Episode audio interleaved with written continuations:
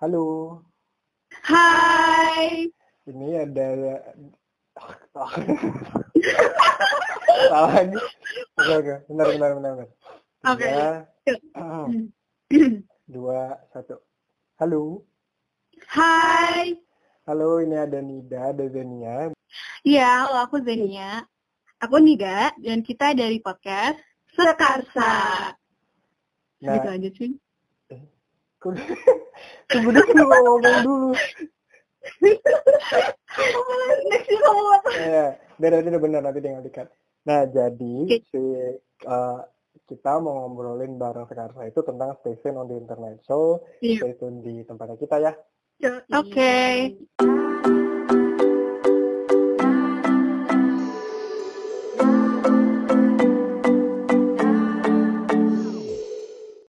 Halo semuanya, balik lagi di podcast Sekarsa.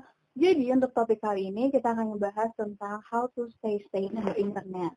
Nah, untuk podcast kali ini ada ini ya, guest star dari podcast Friendspeed. Say hi dong. Halo. Hai. Jadi lewat telepon aja ya karena harus social distancing. Iya, social distancing. Mm-mm. Nah, mungkin kamu bisa mulai membahas tentang gimana sih internet itu?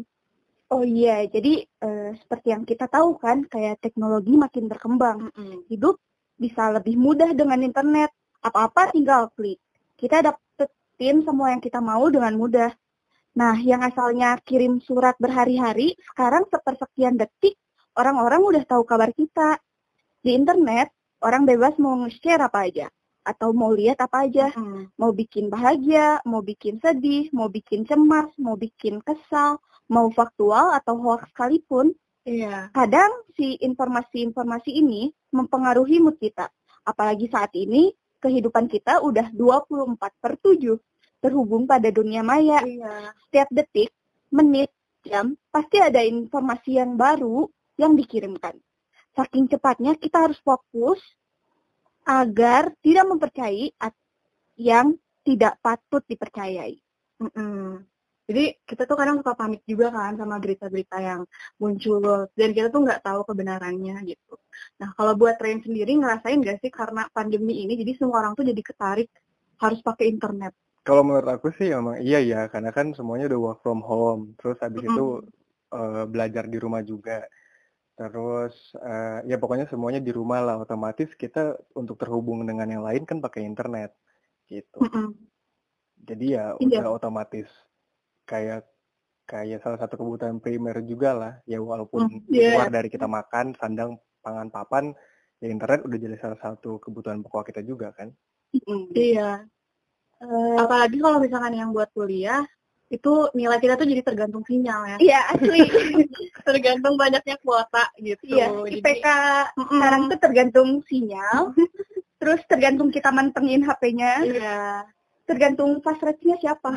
Jadi mungkin kalau buat saat ini susah ya buat ngelakuin sosial media detox. Iya. Soalnya aku sendiri juga suka pengen eh, nggak mau banyak megang HP, gitu loh. Tapi kayaknya sekarang nggak bisa banget. Kayak impossible. gitu. Enggak dong, kalau misalnya sosial media detox kan tetap bisa. It's Iya, different iya. between between sosial media dan the whole internet kan. Kalau Iya. kalau misalnya kita cuma kalau menurutku ya, kalau misalnya kita cuma pakai di sisi hanya untuk sekolah, otomatis kan app-nya udah udah Ah iya iya. udah udah terbatas tuh. Misalnya kita cuma pakai Google Class atau kita cuma pakai Zoom kalau yang untuk orang kerja. Ya, Mm-mm. udah itu aja. Ke- Kecuali memang kerjaannya di bidang sosial media, ya otomatis Mm-mm. dia tetap bakalan harus pakai gitu. Itu sih. Tapi Iya. ada beberapa juga kayak kita tuh harus mengkomunikasikannya bersama teman-teman Iya. anggota kelompok. Jadi kayak Hmm, kita harus belum nugas. iya harus Belum. di WhatsApp atau enggak lain. Terus kayak tiba-tiba ada ya. Iya, ada topik terus kayak ngomongin lagi tren ini. Jadi kita buka lagi sosmed ini. bikin TikTok bareng yuk kayak gitu gitu lah Iya. pasti ada Terus eh, kalau Rain pakai sosmed apa aja? Eh, aktif Twitter kah atau IG aja atau gimana? Hmm, Instagram, YouTube, terus mostly itu sih. Kalau Instagram Hmm. itu cuma lihat yang trending topiknya apa, abis itu ya udah. Iya. Oh iya. Jadi kayak silent Biasanya- reader gitu. Uh, kenapa? Oh iya. Biasanya berapa hari uh, make sosial media ini? Otomatis. Berapa hari? Berapa menit sehari? Iya. Berapa jam? Berapa waktu yang dihabiskan buat sosial media ini? Uh, kalau itu kurang tahu sih ya.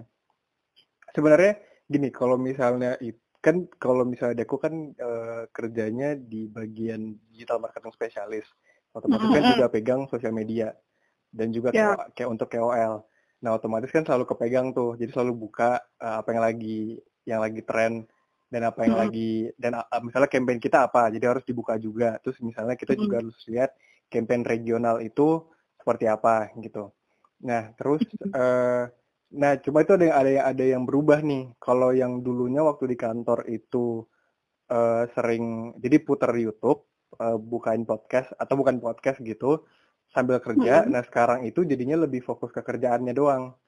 Hmm. Jadi cuma fokusnya di di Instagram aja, tapi kalau di YouTube tuh berkurang gitu. Hmm. Yeah. Iya. Jadi ada perubahannya sedikit lah. Iya. Yeah. Gitu. Yes. Karena kan kalau misalnya kerja itu harus uh, misalnya gini deh sering meeting otomatis kan itu yang biasanya kita meetingnya ketemu langsung ya mm-hmm. sekarang udah harus ini kan apa namanya udah online ya ya kita nggak bisa dengerin yang lain juga gitu dan belum lagi iya. gara-gara work from home udah udah melebihi dari jam jam kerja biasa kadang sampai malam jadi otomatis mm-hmm. pasti berkurang kalau untuk funnya ya gitu. Iya sih. Tapi kamu uh, ngerasa lebih produktif gak sih gara-gara work from home? Kalau produk aktif sih sama aja ya karena memang kalau dari aku sih memang udah ada jadwal apa-apa yang harus dikerjain sih tiap harinya. Ah iya iya. Iya sih bagus terarah. Tapi bagi hmm. un untuk orang lain mungkin memang memang ada yang jadi lebih produktif karena dia bisa bisa yeah. ngapain aja dan beda-beda ya. Uh, iya. bisa eksplor apa aja juga kan. Mungkin yang dia dulunya nggak pernah eksplor rumahnya atau apanya jadinya lebih tahu gitu. Iya sih. Mm tapi kalau menurut aku aku gak lebih produktif sih. Maksudnya tuh kayak kenapa? gara-gara yang tadi tuh kayak 24 per 7 harus mantengin HP kan. Ya, siapa ya. tahu ada dosen yang tiba-tiba ngasih tugas atau hmm. deadline tiba-tiba. Tapi masa kalau sekolah gitu sih? Eh uh, gak tahu sih. Tapi uh, kadang juga si dosen itu ngasih deadline-nya tuh misal jam 10 asalnya. Terus diganti lagi jadi jam 5 atau jam berapa hmm. gitu jadi jadi suka ada perubahan iya perubahan perubahan tiba-tiba. nah jadi ya kadang kalau misalnya ngisi waktu gabutnya tuh gara-gara udah keseringan lihat HP hmm. ya aku ke ngestok orang lagi abis itu baca-baca thread Twitter lagi. Nah itu masalahnya ya terus uh, waktu kemarin juga kan pernah sempat viral soal anak indigo di Twitter. Hmm. Itu nah, apa sih sebenarnya itu aku nggak terlalu ngerti. Ya, jadi kita mau bahas itu juga kan, smart. Iya, kita bakal bahas ini juga ah. guys. Jadi uh, selain indigo deh apa? selain indigo mungkin hoax yang berkembang kayak bikin hand sanitizer, nah, ya, ya. terus ya yang kayak gitu kan. Hmm. Nah, uh, tadi kan malah sibuk ngelihat iya sebagai entertain yang... gitu ya hiburan. Iya. Tapi bikin panik juga. Iya. Apalagi yang anak indigo itu yang apa ya mungkin bukan street tennis juga. Soalnya mungkin aja bakal terjadi tapi kita nggak tahu gitu. Iya. Ya kita harus was-was aja. Benar soal sebenarnya yang anak indigo dia bilang apa sih? Dia tuh oh iya kan oh iya kita kan belum tahu ya jadi belum tahu ya. Jadi belum. si anak indigo ini tuh bilang kalau misalnya ternyata uh, nanti tuh bakal ada bencana-bencana lain katanya tuh yang hmm. bakal kejadian dan ya gara-gara ngomong itu atensinya cukup banyak gitu di Twitter itu sampai beribu-ribu retweet dan hmm. ya itu bikin kita panik juga gitu soalnya yeah kayak kita tuh malah jadi overthinking gitu takut kapan dunia ini berakhir. Apalagi hal-hal yang semacam spiritual tuh laku gitu kan di Indonesia. Yeah, yeah. pasarnya dapat banget jadi kita gampang percaya nah kalau balik lagi ke media sosial kadang kan kalau misalnya kita lihat uh, Instagram gitu ya ngelihat orang-orang yang udah sukses ngelihat orang-orang yang kelihatannya tuh kayak better dari kita karena mungkin kayak kebanyakan orang tuh malah obses buat kelihatan sukses daripada jadi suksesnya sendiri. Ya ah, iya iya iya, iya. benar-benar. Nah kalau misalnya kita make sosial media gitu untuk menggunakannya ya kalau bisa sih kita tahu gitu si dampaknya itu apa aja gitu. Ya benar banget. Lebih banyak kita pakai harusnya lebih banyak tahu juga dan ngerti gitu si dampaknya itu kayak gimana. Nah btw yang cerita indigo tadi tuh berarti masuknya kayak ke hoax gitu nggak sih? Enggak, karena bisa dibilang hoax iya, juga tapi belum ada fakta kepastian. Ya, belum ada iya. kepastian iya. gitu. Mungkin uh, dari definisi hoax juga ya udah pada tahu kali ya hoax itu hmm. apa.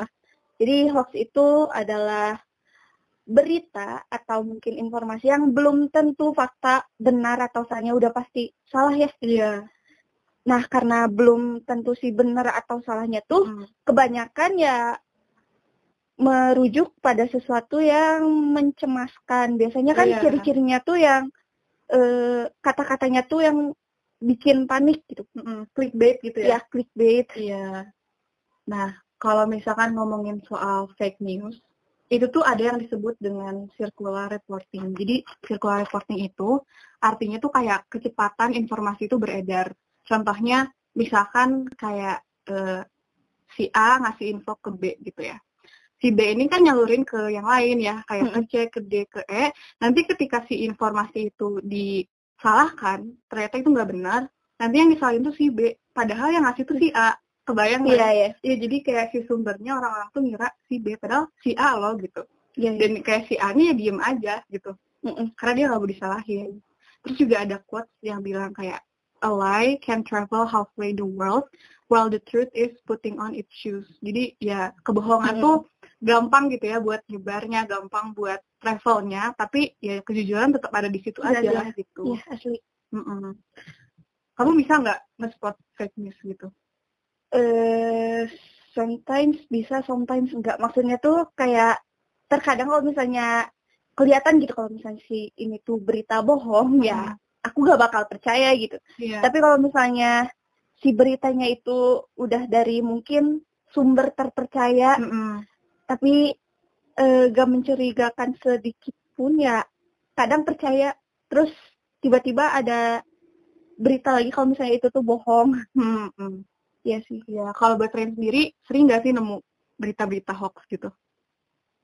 Kalau untuk nemu sih jarang ya, karena kan maksudnya dari akunya juga udah ngefilter yang mana yeah. yang bakalan dilihat. Karena kan kita punya punya maksudnya kita punya ability lah kita untuk ngefilter kita yeah. mau lihatnya dari mana aja gitu. Mm. Dan bahkan kita maksudnya teman-teman aja kita bisa filter kan, kita mau temenan sama siapa yeah. aja. Dan yeah. otomatis dari situ ya kita udah bisa ke filter tuh maksudnya berita yang masuk ke kitanya apa gitu. Nah. Dan even mm. kalaupun misalnya uh, kalau misalnya sering dapatnya itu karena uh, dulu tuh aku aktif di organisasi-organisasi. Nah, mm -hmm. kan masuk grup-grup kayak grup-grup WA yang anak-anak organisasinya ini juga kan. Nah, di situ kan otomatis yeah. sering uh, apa namanya dapat informasinya itu yang cepat entah dari mana ini dari ini iya, bahkan yeah. yang yang kayak data data COVID-19 aja tuh kayak lebih lebih duluan di sana daripada yang yeah, yang aku lihat di di ini di, di website resminya gitu. Yeah. Ya kalau untuk spotnya uh, balik lagi ya maksudnya kayak tadi kalian bilang kan bener kan dari sumbernya ya kalau memang sumbernya nggak kredibel otomatis yeah. dari akunya udah udah ngelakuin recheck lagi gitu selama mm -hmm. beritanya memang itu uh, penting bagiku ya kalau beritanya nggak penting sih aku nggak bakalan recheck gitu mm -hmm. Jadi memang memang filter dari kitanya itu itu salah satu hal yang penting sih. Nah, iya. iya sih. Tapi sering yang sering dapat hoax tuh orang tua gak sih? Iya, dari grup WA ya. Iya, ya. grup WA terus kayak nge-broadcast sesuatu mm. yang mungkin nggak mungkin juga gitu iya. ya. Tapi kadang tuh kalau kita nggak percaya tuh malah kayak ini bener kok gitu ya. iya. ya. Jadi kayak mempertahankan gitu. Padahal Karena ya belum Kalau kita lihat kan kita itu beda ya sama maksudnya orang tua itu kan uh, generasi baby boomer. Iya. Kayaknya juga uh, kalau misalnya kalian itu di bawah 96 berarti kan kalian Gen Z. Gen Z ya. Uh, termasuk aku juga Gen Z. Nah, uh, maksudnya sebelum Gen Z juga ada milenial. Nah, otomatis ya. kan dengan tipe yang berbeda-beda ini juga beda caranya untuk mendapatkan sebuah uh, hmm. informasi gitu. Hmm. Kalau misalnya dulu kan maksudnya ini tuh sama halnya ketika dulu mereka waktu sekolah dulu mereka cuma dapat buku buku sekolah udah tau mm -hmm. mereka dapat infonya dari situ otomatis mungkin yeah. itu bakalan driven mereka ketika mereka dapat data yang sekarang itu mereka mm. bakal langsung percaya yeah. gitu loh dan dan kalau dari sisi orang tua uh, bedanya sama yang kita masih sekolah atau mungkin kita yang anak-anak Gen Z yang baru aja kerja gitu mm -hmm. uh, mereka kan istilahnya udah banyak uh, ini yang yang di kepalanya harus dipecah-pecah. Mereka harus ngurus kerjaan, mereka harus ngurus, yeah. ngurus anak, mereka ngurus rumah. Mm-hmm. Jadi otomatis kayak gimana ya ketika mereka dapat yang pertama tadi ketika mereka dapat satu info dan mereka udah tok dengan info itu ya udah dan mereka harus ngurus uh, pecah-pecah uh, apa namanya pekerjaannya juga ya otomatis langsung langsung percaya kan dan dan sebenarnya gara-gara gimana ya maksudnya aplikasi kayak WhatsApp itu juga adanya di sekarang, nggak di mereka dulu waktu ya, nggak ya. mereka dulu waktu sekolah kan. Jadi otomatis kayak itu juga bisa bikin mereka berbeda cara uh, ininya sih, cara menanggapinya gitu. Iya sih. Iya, benar banget. Jadi kita nggak bisa nyalain mereka juga gitu. Iya. Iya sih. Tapi mungkin kadang juga apa ya, kalau misalnya ada berita yang kayak kita kasih tahu ini bohong loh tapi orang tua kadang mengelak gitu kayak hmm. enggak ini beneran beneran sampai kayak marahin kita itu kayak gimana caranya ya Rin? Hmm. Kayak dia hmm. tetap dengan ya dia tetap dengan berita yang dia dapat gitu. Sedangkan kita punya sumber lebih kredibel, kadang kan tidak mau terkalahkan juga kan. kalian mau ngapain mau kompetisi? Nggak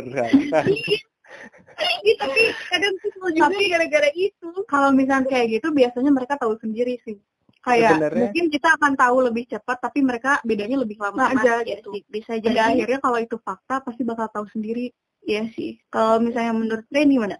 Hmm. gini uh, aku juga pernah ngalamin hal, hal yang kayak gitu ya. Maksudnya uh, waktu masih masih SMA masih wow masih masih SMP SMA kuliah gitulah di mana kita kan egonya masih tinggi ya iya. sebagai yeah. anak yang umur belasan gitu dan belum belum nyampe 20 gitulah eh iya otomatis kok dan dan orang tua jadi kita punya ego sendiri dan orang tua punya ego sendiri nah ketika mm -hmm. egonya ini sama-sama sama-sama tinggi nggak bakal ada yang nyatu gitu loh jadi caranya ya ya mungkin kita bisa nyampaikan ke orang tua dengan dengan tone dengan tone nada yang lebih lebih lembut gitu. Mm-hmm. Itu yang bakalan bikin tapi jangan tapi jangan jangan langsung kayak enggak itu salah gitu. Kalau misalnya kita bilang kayak gitu, yeah.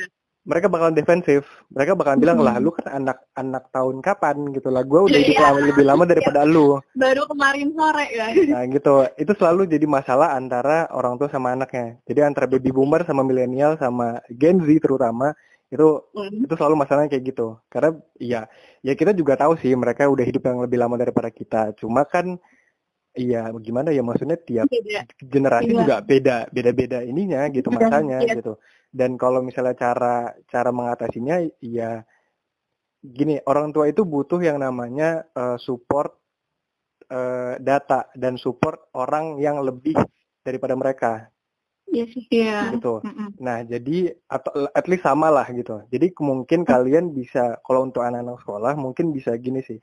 Uh, kalian bisa approach si paman kalian atau kakak kalian lebih tua untuk uh, ngedukung kalian ngasih tahu informasinya mana yang benar.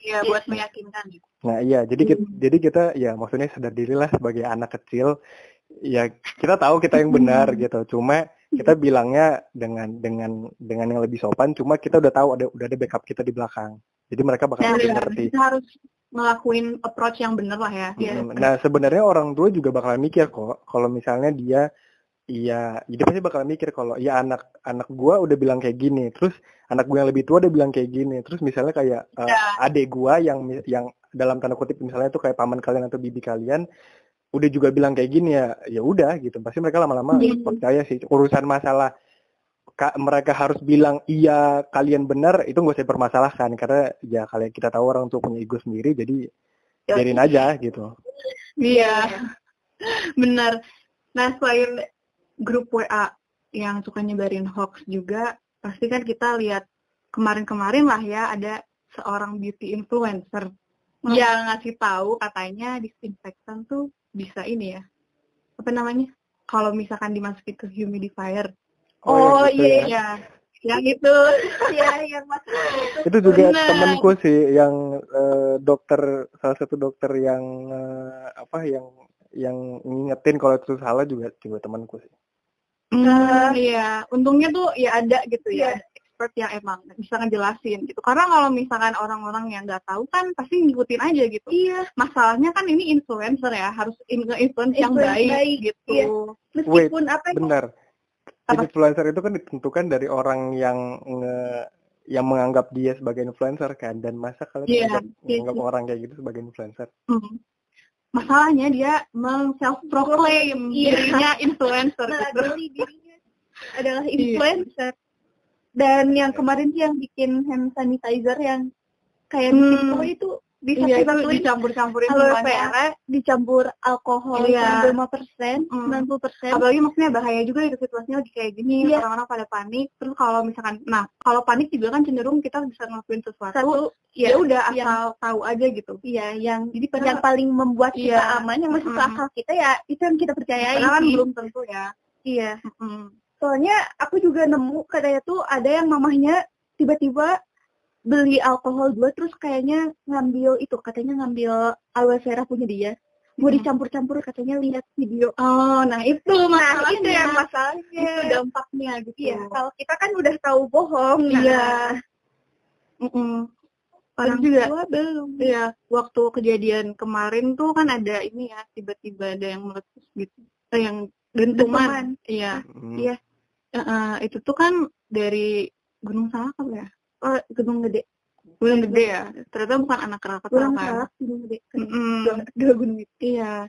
Nah uh, ada juga yang bilang ya mungkin yang bikin konspirasi gitu iya. katanya itu pertanda kiamat. Cuman kan nggak tahu juga ya gitu. Ya. sebenarnya mungkin kalau sih. kalau iya. misalnya pun uh, dibilang pertanda kiamat gitu ya hmm. kalau misalnya emang kiamat ya kita mau bilang apa itu juga udah selesai ya, gitu apa ya. yang harus di apa yang harus di apa namanya diperdebatkan dan apa yang harus ditakutkan mungkin cara kita nanggapin sih yang mm, bikin perdebatan tuh soalnya kayak bisa jadi orang-orang tuh salah nangkep gitu loh kayak misalnya nemu berita yang sangat mengkhawatirkan kayak bercerita tentang end of the world dan ya dia nggak melakukan hidupnya sebagaimana mestinya lagi gitu. Mungkin aja dia mengurung diri di kamar dan menghitung hari kapan dunia akan berakhir. Takutnya kan ada yang putus asa gitu ya. Iya. Oh ya udah tahu mau berakhir misalkan.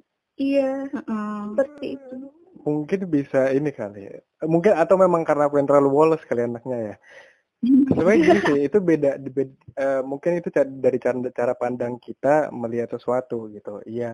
Yeah. Kalau gini kayak tadi kan kalian bilang kalau misalnya uh, dia tahu uh, misalnya dibilang ini oh, udah mau kiamat nih gitu terus habis itu akhirnya dia ngurung diri di kamar dia nunggu menghitung hari kapan uh, kiamatnya berakhir I mean itu kan malah bukan jadi sesuatu yang produktif ya iya yeah. dan dia juga uh, balik lagi ke kalau misalnya tadi kita bilangnya work from home bisa bikin produktif atau enggak ya sama halnya dengan kayak gini kan itu juga yeah, nggak bikin produktif dan uh, gini yeah. dan, dan misalnya kalaupun memang benar kejadian gitu ya ya ya udah gitu ya mendingan kita ngelakuin sesuatu yang emang kita pengen suka. Mungkin misalnya kayak dia pengen pengen lompat-lompat atau gimana atau dia pengen ketemu siapa ya ketemuin aja daripada dia ngurung diri di kamar gitu kan.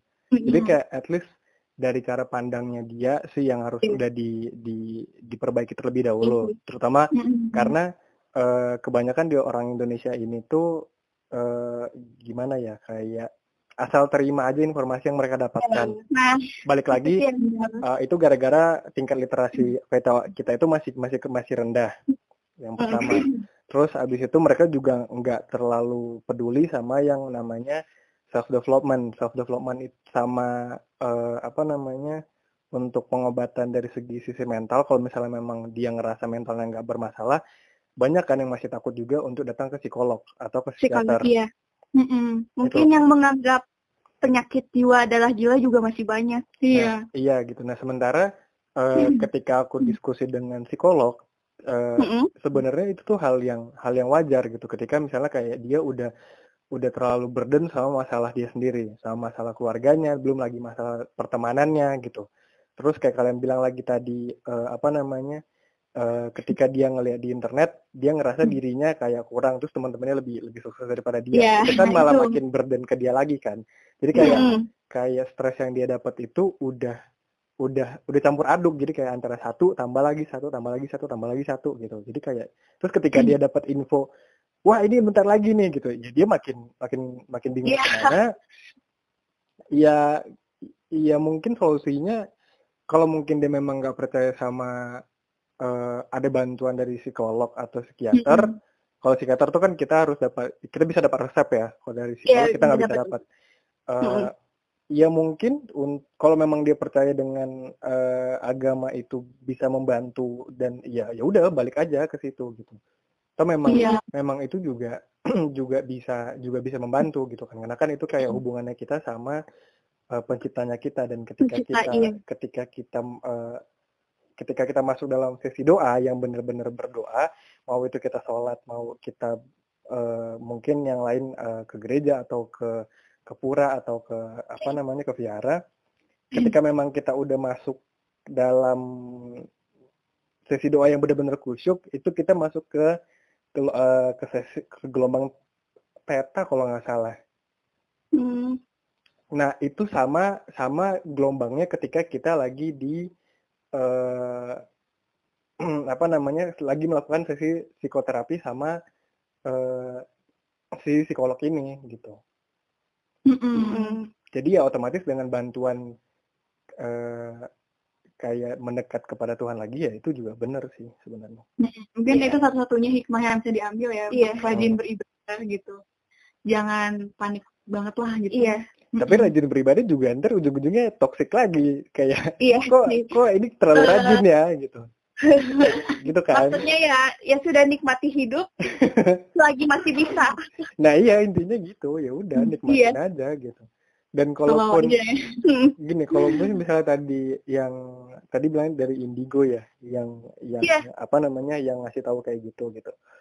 Saya gini deh kalau misalnya kita dari sisi uh, kita orang-orang Indonesia yang yang beragama gitu. Uh, kalau dari aku uh, kalau dari aku kan Kristen. Yeah. Mungkin dari kalian ada yang Muslim juga gitu dan ada yang dari agama lain dan di kitab suci kita kan masing-masing udah ada udah ada ditulis di situ hari terakhirnya seperti apa. Iya. Yeah. Gitu loh.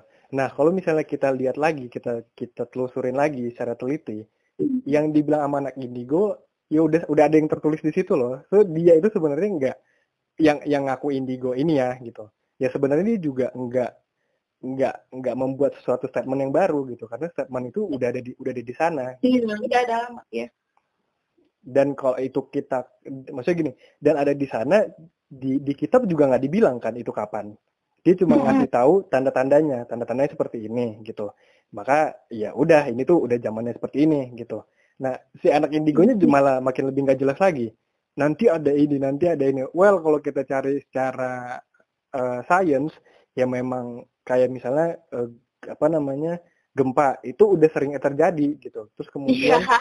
Iya. uh, tsunami itu juga udah terjadi, tapi kan skalanya beda. Ada skala yang kecil, ada skala gede. Yeah. Terus belum lagi sebenarnya itu gara-gara the power of media sih, dan the power of yeah. stupid people, moron people yang yang nyebar-nyebarin itu gitu. Iya sih. Penggunaan kalimat juga Padahal Betul. beritanya seperti ini, hmm. penggunaan kalimatnya dilebih-lebihkan ya. Iya, balik lagi ke balik lagi ya. ya. Jadi kayak kita mempersepsikannya ya mungkin menjadi lebih. Iya. Ya. Bikin asumsi sendiri lah buat iya. para pembacanya gitu. Nah, maksudnya gini deh, kalau misalnya balik ke anak indigo, well uh, siapa dia dan siapa kita juga yang bisa yang bisa ngasih no. apa namanya ngasih statement ngasih yeah. sebuah title dia anak indigo itu yang pertama yeah. gitu mm. dan uh, dan anak indigo itu yang yang seperti apa gitu kita mau lihat dari sisi des deskripsi atau pengertian dari yang mana gitu nah kalau sebenarnya gini deh uh, mungkin berdasarkan dari pengalamanku sendiri ya untuk masalah hal-hal yang spiritual kayak gitu it's not that spiritual tapi ya ya berhubungan sama gitu I have to mention this first kayak okay. uh, aku juga punya gift kayak gitu. Oh. Ya. Tapi satu hal yang perlu di di uh, apa yang yang perlu kali kali di notice lah ya. Yang harus orang lain notice itu adalah terkadang yang yang satu lihat sama yang lain lihat itu berbeda.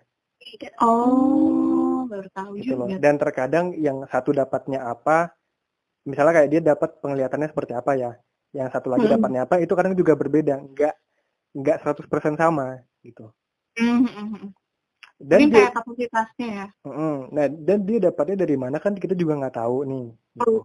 Karena ada temanku yang dulu dia bisa dia bisa itu tutup mata, dia tuh bisa ngebaca sesuatu dengan mata itu tutup itu setelah iya. mata batinnya dibuka. Oh. Gitu. Soalnya ada yang bisa gambar juga, soalnya yeah. kalau yang ditutup matanya. Mm. Nah itu kan kita lihat lagi dia dapatnya itu secara alamiah atau dia oh. uh, dapatnya ya ya kayak gitu tadi buatan. mungkin dia dibuka atau bukan buatan sih mm -hmm. tapi dia dibuka atau enggak mata batinnya atau gimana gitu yeah. terus habis itu yeah.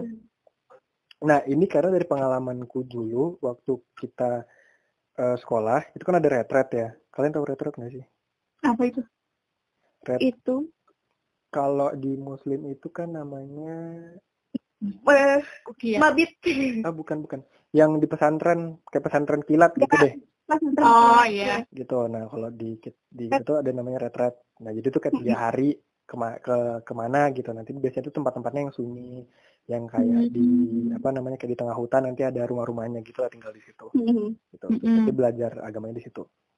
Nah yang si temanku lihat itu versi pastor, versi suster, versi gitu brudar gitu gitulah. Nah tapi aku lihat beda lagi apa gitu. tuh? Jadi dalam dalam bentuk yang yang menurutku sih wujud aslinya sebenarnya, yang hitam tinggi gede. Hmm. Nah, terus akhirnya uh, apa namanya? Gini, ketika kita udah tahu kita punya gift yang kayak gitu, ya at least kita jangan bikin panik lagi kan semua orang. Misalnya kalau misalnya dia tahu di sana ada gitu, ya udah nggak usah dibilang-bilang ke teman-temannya gitu. Cukup hmm. di nanti tuh bakalan si yang si anak-anak yang bisa ini aku nggak nggak bilang anak indigo ya karena kan kita nggak bisa determine itu gimana gitu. Iya, indigo Terus uh, apa namanya? Kita bakalan saling tahu kok sebenarnya nanti saling ngasih kode sebenarnya kayak ini tuh di mana oh. ada gitu. Dah. Mm -mm. Uh, jadi kita waktu itu ada tiga orang yang bisa. Nah, terus habis itu yang satu ini tuh suka bilang banget kayak di sini, di sini, di sini, di sini. Kan kita kesel ya. Kayak orang yeah, jadinya yeah. semua pada ketakutan kayak ya udah aduh aku bisa relate atau enggak kalau misalnya kayak kayak gimana ya kayak bilangnya nanti aja deh setelah kita pulang gitu baru diceritain yeah. itu nggak masalah gitu at least kan ada pembelajarannya gitu misalnya kayak dia ngapain lah ya nggak mm -hmm. harus dibawa selalu ke sana gitu mungkin dia kayak iya. malam-malam terlalu berisik atau gimana gitu kan terus uh, abis itu dia kayak suka harus bilang kayak ini di sini ini di sini gitu terus waktu kemarin juga uh, aku ini ada open trip gitu yang dilihat sama si guideku itu beda sama yang pas aku. Karena waktu itu aku tanya kan kayak, Mas, yang di sini ada ini ya. Terus dia bilang kayak, oh enggak, yang ini kok. Oh oke, okay, ya. beda. You Hmm. Karena kan maksudnya yang di situ juga juga ini kan juga apa sih namanya ya kayak berbeda yang dia pahami dan si, -hmm. si makhluknya ini juga kan jadi ya bisa ngubah-ngubah sesukanya dia gitu loh. Iya. Yeah. Nah, belum lagi sama yang namanya kayak dia dapat penglihatan gitu. Dia kan dapat penglihatannya dari mana? Hmm. Kan kita belum bisa, kan kita nggak bisa make sure dia dapat penglihatannya mungkin iya. dari dari Tuhan atau mungkin dari dari mana? Ya kita kan nggak tahu. Iya. Jadi ya, ya, ya jangan jangan nggak usah terlalu dipercaya 100% mm -hmm. juga sih itu. Maksudnya gini loh, kenapa kalian bisa percaya dan me menaruh perhatian diri kalian, eh maksudnya fokus diri kalian ke orang yang kalian nggak tahu satu itu di mana dia di iya. mana terus dia siapa dia kenapa bisa bilang kayak gitu kan kita juga nggak nggak kenapa bisa maksudnya dari diri kita kenapa bisa percaya sama yang kayak gitu gitu mm.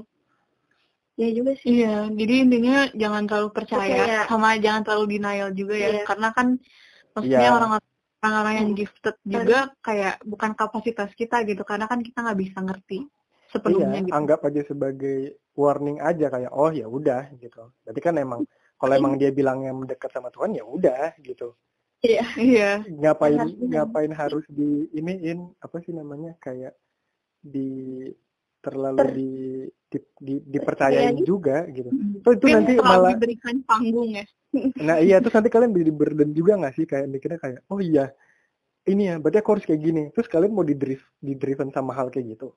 Iya, jangan sampai juga. Ya paling ya udah highlightnya di hal yang mau kita maksudnya bukan mau kita percaya yang penting aja gitu kayak oke okay, mungkin dunia akan berakhir so hmm apa aja yang harus dilakukan iya. gitu. Mm -mm. Terus kan kalau misalnya gini deh kalian ketemu sama uh, oke okay, yang tadi kan itu kan sesuatu yang kayak masih abstrak ya kita nggak tahu tuh kebenarannya gimana gitu. Iya. Misalnya kita ketemu sama orang yang di uh, tempat misalnya kayak misalnya kayak aku kan bisa ketemu di gereja lah gitu. -hmm. Aku juga nggak bakal langsung percaya sama apa yang kata pendetaku bilang. Mm gitu. Jadi kayak iya terkadang kan ada yang ada yang kayak terlalu membangga-banggakan dirinya. It happens loh. Iya. Yeah. Yeah. Kayak bisa dibilang gara-gara aku ini gini-gini terus kayak emang you gitu loh. Iya. jadi yeah. jadi kayak ya balik lagi kita harus filter kita kita uh, mau percayanya dari mana gitu. Mm -mm. Dan kalau misalnya kayak kemarin ya orang bilang kayak ah pemerintah bohong, pemerintah uh, ngasih datanya nggak akurat gini gini gini gini Terus lu mau percaya dari mana? Iya. Iya juga sih. Gak mungkin turun dari langit, gitu. iya kan? Nah, Jadi, maksudnya, iya. gimana gimana? Jadi maksudnya kayak percaya aja sama experts gitu. Maksudnya udah ada yang ngelakuin kerjaannya juga iya. gitu. Nah itu juga misalnya itu kan cuma sebagai acuan ke kita untuk iya. langkah kita seperti apa. Aku, iya sih. Ya at least mau banyak mau sedikit kita juga harus tetap mencegah lah. Nah ya. iya kan itu juga yang menyelamatkan diri ya. kalian juga. ya caranya dari kalian sendiri. iya. Iya sih, karena kalaupun kita rugi nanti kita pasti minta bantuannya ke siapa lagi. Nah iya, iya, masa kalian minta bantuan ke orang yang bilang enggak ini salah, emang dia mau bantu? Enggak. iya, iya juga sih. Ya kayak mungkin itu juga yang sering kita lihat di sosial media akhir-akhir ini gitu ya. Mm -hmm. Kayak ini salah lah, lebih kayak ngejudge gitu kayak itu cara kerja salah itu kayak gitu. nah, gimana lagi gitu? Iya. Ya mereka juga sedang melakukan yang terbaik. -uh. dan masa kita diem aja terus ngejudge gitu aja? Iya. kemudian lakukan pencegahan. Dan maksudnya masih banyak juga yang ngelanggar gitu kayak ah ya udahlah gitu. Keluar, keluar ke mana? iya. padahal kan udah dikasih tahu gitu kalau keluar nggak apa-apa sih selama itu penting iya. ya beli nah kalau masih suka ada yang nongkrong, nongkrong gitu ya gitu ya, sampai diusir coba ada berita gitu itu nongkrong saya bingung sih di, di tempatku ya di kecamatanku tuh mm-hmm. di itu tuh salah satu yang terbanyak juga jadi aku juga mm-hmm. males keluar juga kan terus itu udah ditutup gitu jalan-jalannya di portal iya, jadi iya. dibuat uh, apa di portal baru lockdown lockdown. Terus si bapak-bapaknya ngumpul nongkrong sambil ngerokok nggak pakai masker. Kan bingung ya. Lu bilang terus habis itu pengen yang... negur nanti ditegur balik sih gitu. Iya karena kan Kayak... kan kita juga ngekos di sini bukan orang asli sini. Iya. Terus habis itu dianya waktu itu kemarin aku ngeliat jadi aku pas habis beli makan ada orang mm -hmm. gitu sebenarnya dia orang warga di situ gitu loh Terus uh, karena dia di rumah, kalau kosan kan beda bentuknya ya. Nah yeah. jadi dia uh, temennya temennya atau siapanya gitu mau masuk dari yang pintu ditutup ini, yang portal ditutupin dan mm. dia mau buka, terus langsung si bapak-bapak yang nongkrong-nongkrong ini marah-marahin gitu. Terus kayak enggak boleh gini-gini harus kayak gitu. Terus gue mikirnya kayak lah lu aja nongkrong aja udah salah. yang salah siapa gitu. Atau gue ada yang bagi-bagi masker tapi ngantrinya tuh kayak membludak gitu loh jadi nggak ada jarak mm kayak masker tuh untuk mencegah. Iya. Tapi mereka tuh itu balik ke ini sih sebenarnya mental orang Indonesia itu sebenarnya nggak orang Indonesia ya. Kebanyakan iya. masih mental pengemis harus dikasih. Iya. Iya kan yang kemarin yang kemarin masalah uh, bantuan dari pemerintah DKI ya kan mm-hmm. kalau di Bandung aku nggak terlalu tahu ya gimana uh, ininya yeah. apa namanya dari dari pemerintahnya gimana cuma kan dikasih bantuan terus dia kayak ngomel hmm. gitu lah ini emang bisa buat sebulan seminggu aja nggak habis ya Tuhan terus kayak lu kan udah dibantuin ya gitu Maksudnya gini loh, dari dari sisi kayak kita ngelihatnya sebagai orang yang masih mampu untuk mencukupi kehidupan kita sehari-hari ya. Ibaratpun kita belum tahu nih kita sampai kapan bisa mampunya gitu kan. Terus kayak kalian ngelihat oh, istilahnya gini deh, kalau misalnya kita dikasih bantuan gitu aja kita kan udah bersyukur banget ya. Iya. Jadi at least mengurangi dari pengeluaran kita gitu. Lah ini diban dikasih bantuan Iya. Udah diteri diterima loh, diterima tapi masih masih aja kayak gitu. Kurang banyak. Iya sih, kurangnya itu. Ya gimana lagi ya, tapi kadang uh, kita sendiri kan yang nggak ngerti juga misalkan di posisi mereka gitu ya, yeah. kalau emang kesusahan apalagi yang harus bayar uh, eh dapat bayaran per hari hmm. gitu. Mm -hmm, itu kita ngerti, maksudnya kita udah ngerti, kita pasti mengerti banget lah kayak gimana yeah. rasanya kan. Mm. Tapi balik lagi yeah. ya mereka kayak kalian bilang tadi orang tua kalau dapat info langsung di langsung dipercaya ya, ya mungkin mereka sebagian dari orang tua itu. Iya, iya. Balik lagi ke cara kita apa ya mengekspresikan yang ya. udah kita terima kali ya. Mm -hmm. Iya. Nah, tadi kan kita udah ngebahas ya tentang fake news dan segala macam, nah, sosial media. Tapi ya kita juga harus aware gitu loh untuk kesehatan mental, mental kita, kita sendiri. Iya dan dampaknya tuh banyak gitu iya sih dan sosial media itu adalah alat yang apa ya kita harus menggunakannya secara konstruktif. Mm-hmm. Mm-hmm. E, di sini juga ada yang bilang kalau misalnya karena itu lebih kuat daripada pedang. Apakah internet lebih kuat daripada bom? Mm-hmm. Karena mungkin kalau misalkan zaman dulu tuh kita dapat informasi dari buku kan. Mm-hmm. Jadi buku tuh ya sumber pengetahuan. Pengetahuan ya yang udah uh, apa namanya pendidikan gitu. Yeah. Maksudnya suatu negara tuh bisa berkembang karena yeah. sebuah buku doang gitu loh. Iya. Yeah. Mm-mm. Makanya muncullah si quotes ini gitu. Kalau misalkan the pen is mightier than the sword, is the internet is mightier than the bomb gitu. Kalau misalnya Soalnya sekarang uh, gara-gara yang bisa ngomong di internet itu tuh siapa aja ya? Ya, ya kayak tadi yang aku bilang kalau misalnya orang mau uh, nyampein sesuatu di isi pikirannya mau itu bohong, mau itu ternyata beneran ya ya kalau misalnya mereka di internet ya bisa nyebarin apa aja. Hmm. Yang sayangnya sih yang apa ya masih kurang uh, di kita tuh gitu kayak share asal share gak tahu bener atau salahnya hmm. ya komen asal komen gak tahu efek buat orang tersebut apa hmm. masalahnya kan kalau misalkan kita nyadar bahwa kalau misalkan make internet itu harus bijak ya sebaiknya memang kasih kata-kata yang membangun gitu. Mm -mm. Jadi jangan buat menjatuhkan, jangan buat nyindir gitu jadi ya konstruktif harus tapi, membangun tapi asik loh komen-komen hate ya kalau buat yang mantengin sih asik gitu. Cuman ya kita jangan hutan jangan sengaja terjun tapi nontonin doang gitu. iya tapi ya. kalian nggak pernah komen-komen hate dari pakai second account gitu? Itu lain cerita. Mungkin dulu sebelum nyadar. Iya paling ya kalau misalnya ngomongin orang ya kalau misalnya pendapat negatif ya mungkin kita juga punya gitu. Kita berhak ya bukan negatif berhak untuk tidak setuju. tidak setuju tidak ya. suka sama hal tersebut. Tapi yang salah tuh adalah mencela si konten tersebut. Bukan mencela sih lebih ke kayak saya menghina tapi berlebihan menghina gitu. berlebihan ya hmm. kayak mungkin yang paling sering cewek apa ya rasain kali ya. Kayak dia ngelihat uh, postingan cewek lain yang udah dandan cantik banget tapi masih ada celahnya. Misalnya tuh kayak ih kok alisnya beda sebelah sih? Ya, kayak gitu. iya iya benar-benar itu kayak jadi, ngerasa nggak dihargain ya udah capek gitu buatnya. Iya ya jadi kayak apa ya si sosial media ini tuh bukan ajang dia buat meng, apa ya mengharapkan kom komen yang membangun gitu kayak iya. nggak ada yang apresiasi malah jadi kayak kok banyak yang hujat sih? Iya. Dan maksudnya bijak juga dalam artian kita bisa menerima pendapat orang gitu ya. Iya. Yang beda gitu. Iya. karena ada yang nggak setuju juga gitu. Gak semuanya bakal setuju. Iya sih. Mm -mm. tapi ya kalau kita nyadar ya jangan deh gitu yang aneh-aneh gitu. Maksudnya use it wisely gitu. Hmm, hmm.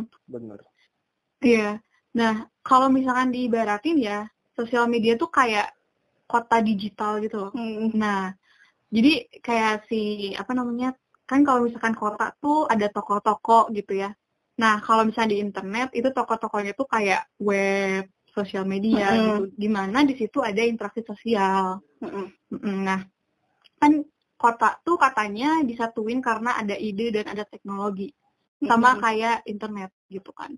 Ya ide orang-orang bisa cerita bisa kasih pengalaman ya dan lain-lain pasti kalian nemu juga gitu. Dan selain cerita juga ada budaya ada mitos mungkin yang tadi yang kayak indigo kontennya kayak gitu atau paranormal dan sebagainya itu kan bisa jadi budaya juga gitu.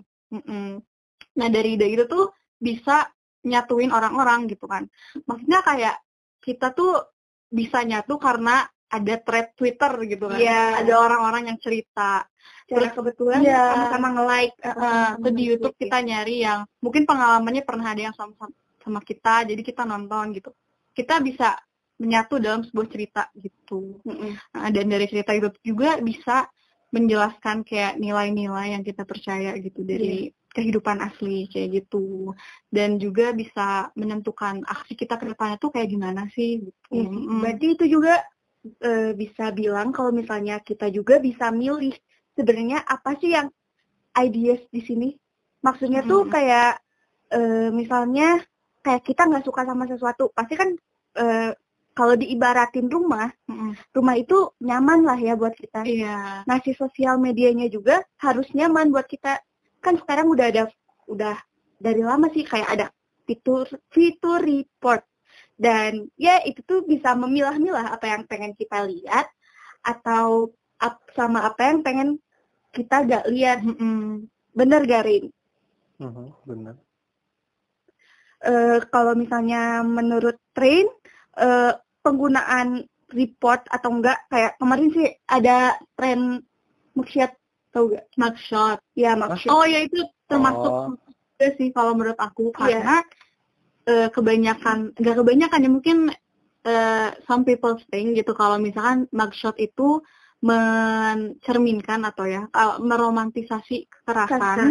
dan relationship abuse padahal kenyataannya mugshot itu uh, cerita bukan cerita ya maksudnya kayak memperlihatkan kayak napi-napi yang ditangkap gitu loh iya sih tapi uh, ada juga yang bilang kalau misalnya itu tuh nge-trigger orang-orang yang punya trauma sama masa, hmm. masa lalunya soal kekerasan gitu pas waktu ngelihat mungkin influencer-influencer pada maksud terus dia lihat kayak ya nge-trigger si traumanya tadi. Iya. Uh, tapi sih uh, menurut Rain gimana? Kalau menurut aku sih uh, se seseorang itu bisa milih gitu kayak apa yang ingin dia lihat sama apa yang nggak ingin dia lihat hmm. kalau misalnya ada konten seperti itu ya balik lagi ke tujuan tadi yeah. apa sih kayak mungkin aja dia mau meng, apa ya me, seninya kayak gitu gitu yeah. kayak dia pengen berseni seperti itu uh dan ya yang dilakukan dengan cara make up seperti bonyok iya yeah, ya seperti kayak gitu kan. Soalnya kalau menurut aku sendiri ya sebenarnya ketika kita membuat sesuatu balik lagi ada orang yang setuju dan gak setuju. Iya sih. Mm-hmm. Kalau menurut Ren gimana soal maksud tadi? Tergantung kita lihat dari sisi apa dulu sih sebenarnya. Kalau mm-hmm. kalau mungkin ya tadi kan bener yang kayak kalian bilang kalau itu kita itu kita bisa milih yang mana mm-hmm. model mau enggak. Terus kan itu juga sama yang kita udah aku bilang kita filter yang mana kita lihat mana yang enggak terus kalau dari sisi kalau misalnya kita lihat dari sisi seni ya oke okay, itu juga seni gitu dan seni kan juga itu luas nggak mm -hmm. nggak cuma nggak cuma dari lukisan nggak ya makeup mm -hmm. juga termasuk seni gitu terus nah kalau misalnya kita lihat dari sisi uh, apa namanya seseorang yang udah pernah trauma dengan hal-hal seperti itu uh, mungkin gini sih baiknya kita kan nggak bisa nggak bisa langsung gimana ya nggak bisa nge ngehapus semua konten yang kayak gitu dari handphone yeah. kita dari smartphone kita atau dari laptop kita ya pasti terkadang bisa bisa kelihatan lah yang kayak gitu kan uh, nah ketika kita lihat ya kalaupun memang kita panik gara-gara gara-gara ngeliat kayak gitu dan balik lagi ke ingat ke trauma kita sebelumnya ya ya mungkin jalan terbaiknya ya ya udah gitu. Maksudnya di di report atau ya kalau emang ngerasa itu bener-bener uh, mengganggu ya ya di report kalau memang enggak ya udah di diabaikan atau kan kita kalau di Instagram bisa bisa memilih untuk nggak mau ngelihat konten kayak gini lagi kan iya, bisa iya. dipilih nah kayak gitu terus uh, jadi istilahnya kan save buat kita save buat si orangnya lagi gitu nah yeah. urusan kita keingat sama masalah si trauma kita itu hal yang normal gitu yeah. jadi kayak ya udah nam ya namanya kita juga manusia kan ya pasti kalau ingatan ya pasti tetap ada kan yang kayak gitu. Yeah. Cuma ya balik lagi ke, kita ingat lagi gimana sih cara kita kemarin uh, bangkitnya dari si trauma itu. Jadi itu ke hmm. orangnya lagi sih jangan jangan jangan jangan jadi ngerasa sebagai victim ya at least kita sebagai manusianya harus bisa cepat adapt dan balik lagi gimana kita ngelupain si traumanya itu. Mm -mm. Benar. Ya, mm -mm. Iya kan karena kita ngapain kita fokus ke traumanya? Ya kita aja nangis terus kan jadinya tiap hari stres terus tiap hari. Mendingan di ya I know sih maksudnya ya omongan nggak semudah aktivitasnya. Aktivitas ya tapi kan at least kita harus mencoba gitu. Iya sih. Benar karena kita juga nggak bisa nentuin orang mau bilang apa dan iya. kita nggak bisa membahagiakan semua orang juga. Iya sih. Tapi eh, nggak eh, apa ya kalau misalnya si maksud aja yang di report itu termasuk gak adil gitu. Maksudnya tuh kayak ada banyak me media lain yang menggambarkan kekerasan ini hmm, yang lebih parah gitu. Ya, yang lebih parah. Jadi kayak menurut aku sih ya benar kata kata Rinda di adapt aja. Hmm. Dan sekarang kita bakal bahas kenapa lebih banyak hal-hal negatif di newsfeed kenapa kayak gitu? Soalnya kayak kan tadi juga kayak hoax banyaknya uh, tentang negatif-negatif juga kan. Terus yang spreadingnya cepet tuh yang hal-hal negatif tadi kan. Hmm. Dan si hal-hal negatif itu bisa bikin atensi buat kita. Terus kayak apa ya?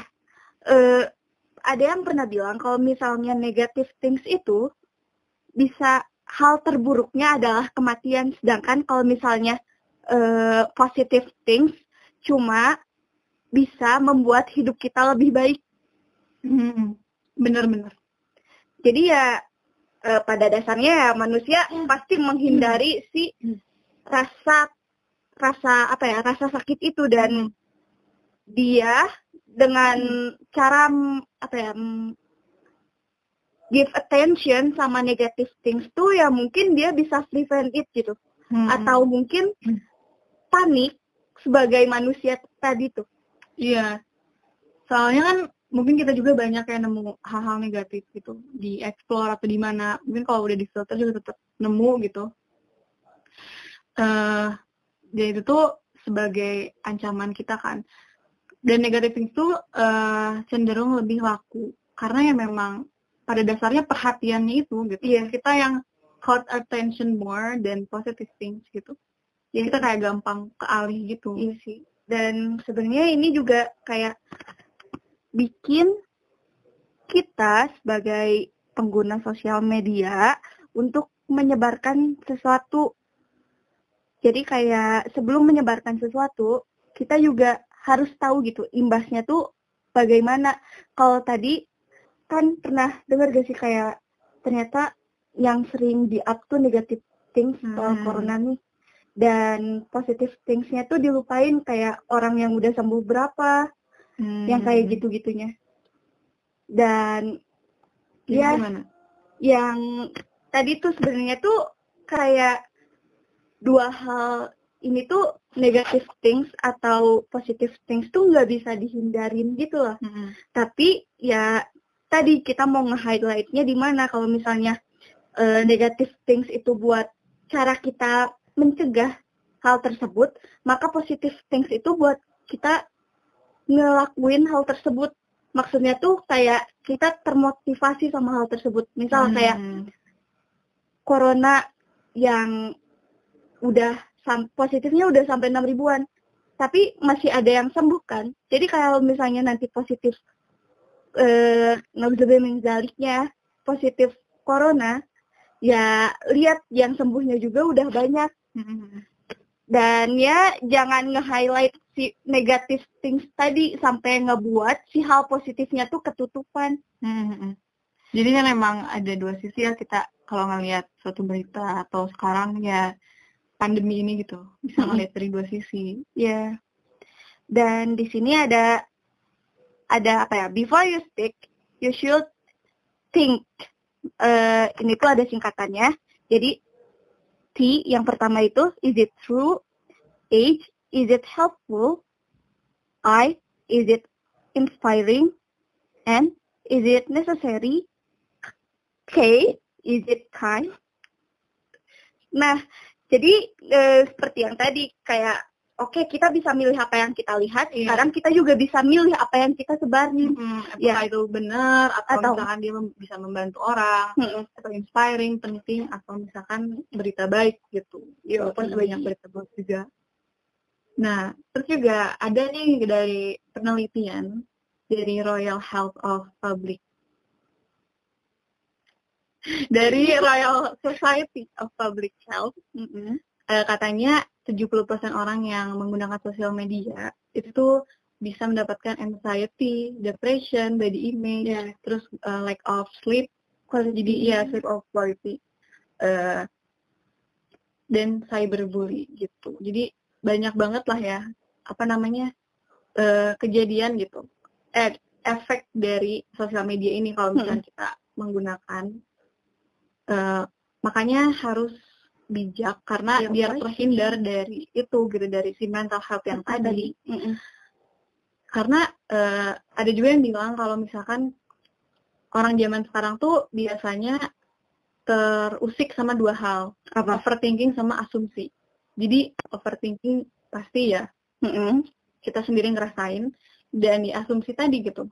Entah kita ngelakuin ini uh, orang bakal mikir gimana sih gitu asumsi yeah, yeah. orang kayak uh, kita mau ngepost aja pasti kan milih-milih ah, iya, iya. dan yang lain-lain jadi yang benar-benar mana ya uh, ke filter gitu karena kita pengen ya yang pasti mostly kita pengen asumsi orang baik, baik. tentang kita iya, gitu. hmm. oke okay. nah uh, dan ada juga cara bikin digital home gitu yang tadi itu kalian ya coba filter kalau misalnya ada yang ini ya tinggal report sebenarnya yang hal-hal kayak gitulah ya yang kalian bisa membuat kayak rumah digital kalian sendiri mm-hmm. gitu tapi okay, kayaknya kita di, di report juga ya Iya, iya. Karena apa yang dilihat? Kosong sih. konten kita juga kena report ntar. ya, ya. Maksudnya tuh report sama hal yang mengganggu ya. Mm. Ya kalau orang nah, hidupnya kita mengganggu gimana? Aduh ketutupan nanti positifnya. Oke, okay, kita bakal bacain respon dari Instagram. Mm-hmm. Pertanyaannya itu oh, apa yang bikin ya? kamu apa yang bikin kamu kesel atau panik di, di sosmed? sosmed? Terus ada juga kayak sosmed berpengaruh gak sih ke mood kamu? Gimana? Terus uh, di sini aku bikin vote yang sosmed berpengaruh gak sih ke mood kamu tuh ada 74% yang bilang iya. Seberpengaruh itu si internet, si sosmed maksudnya. Dan yang bilang biasa aja tuh ada 26%. Lalu kalau misalnya untuk reviewnya, yang bikin panik sama kesel di internet, ada yang pertama bilang, kalau udah ada yang nyindir-nyindir, soalnya aku kadang merasa itu buat aku walaupun bukan. Ya yang yeah, tadi sih iya. kayak yang mengganggu manusia itu ada dua yang tadi iya overthinking atau asumsi ya kita kalau misalnya ada seseorang yang bikin satu statement ya kita berasumsi dulu dong mm -hmm. kayak itu buat kita atau bukan mm. kalian juga suka suka ngerasain gitu nggak iya suka iya jujur aku sendiri suka jadi kayak ini buat siapa gitu ya jadi kayak aduh Iya sih. Jadi malah nambah pikiran. Ya, sepertinya. Ah, benar. Terus juga uh, buat saat ini tanpa sosmed atau tanpa HP pun don't care karena nggak ada yang harus dikabarin. Oke. Okay. Uh, judgement orang katanya itu benar asumsi lagi. Iya, asumsi lagi.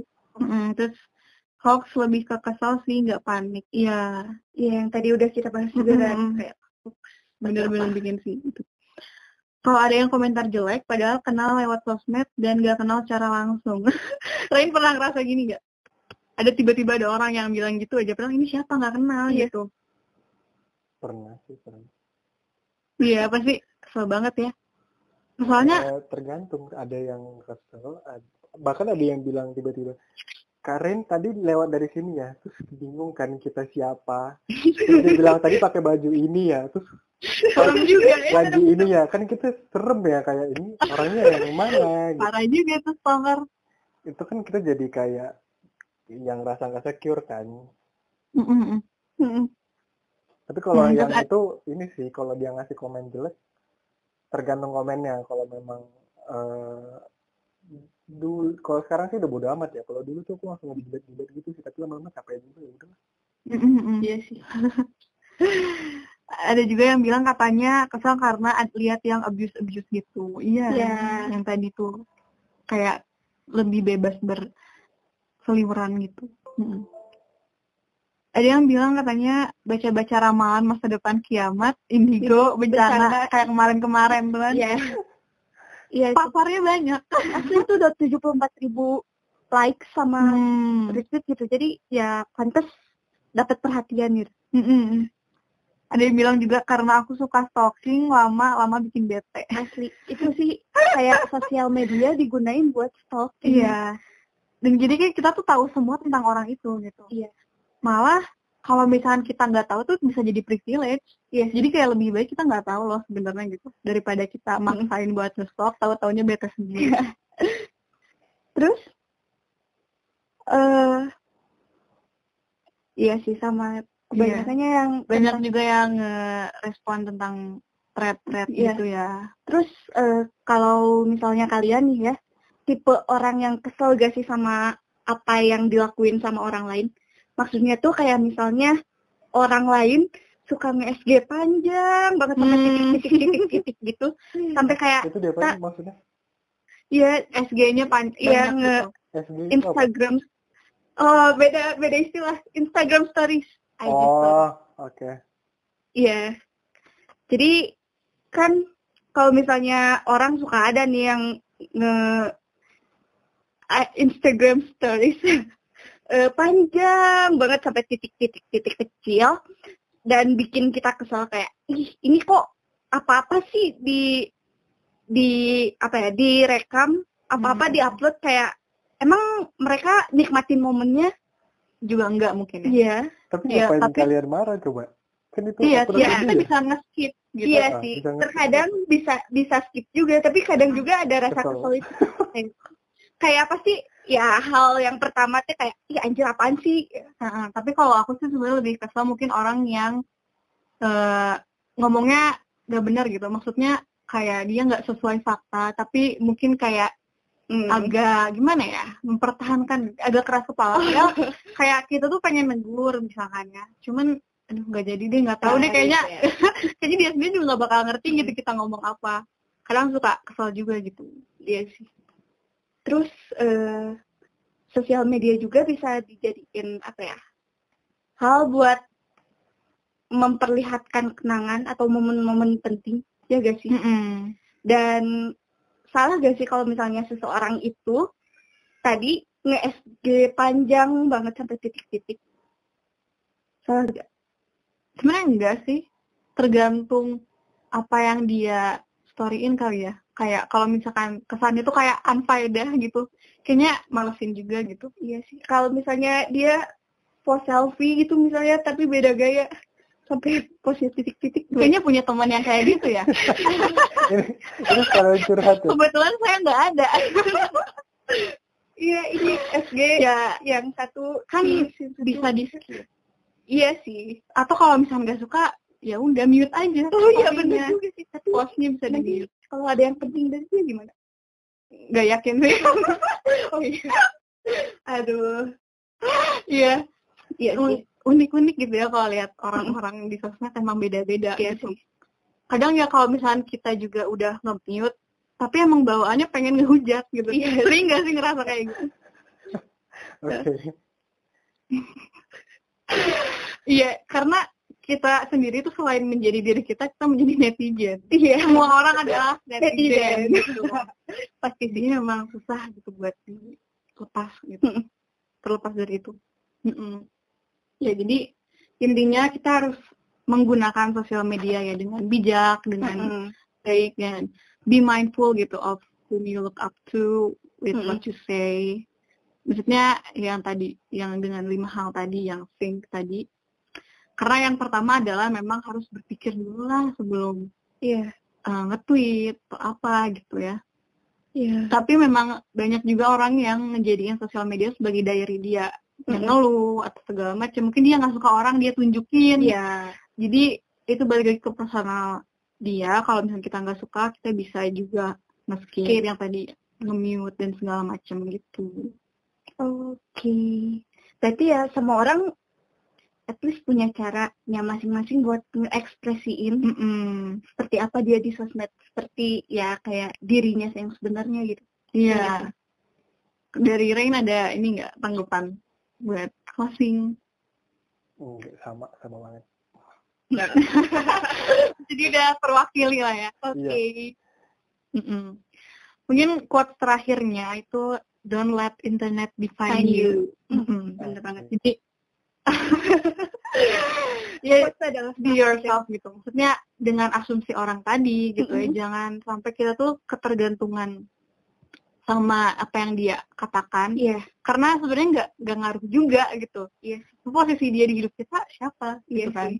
jadi belum tentu juga apa yeah. yang dia bilang tuh benar gitu jangan lupa sama diri sendiri mm -hmm. di internet jadi gimana kebanyakan jangan lupa sama diri sendiri kan kadang suka ada yang harus didistain dulu sama orang lain baru ngerasa dirinya seperti apa. Mm. Jadi kayak ya udah fokus aja sama diri kamu sendiri. Yeah.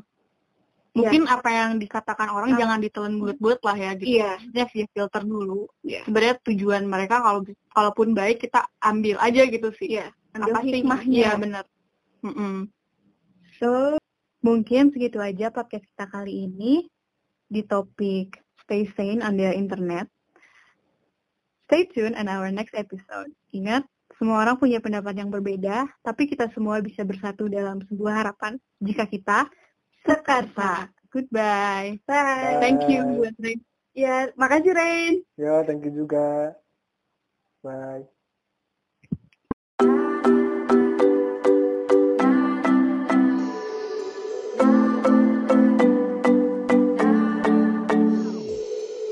Sometimes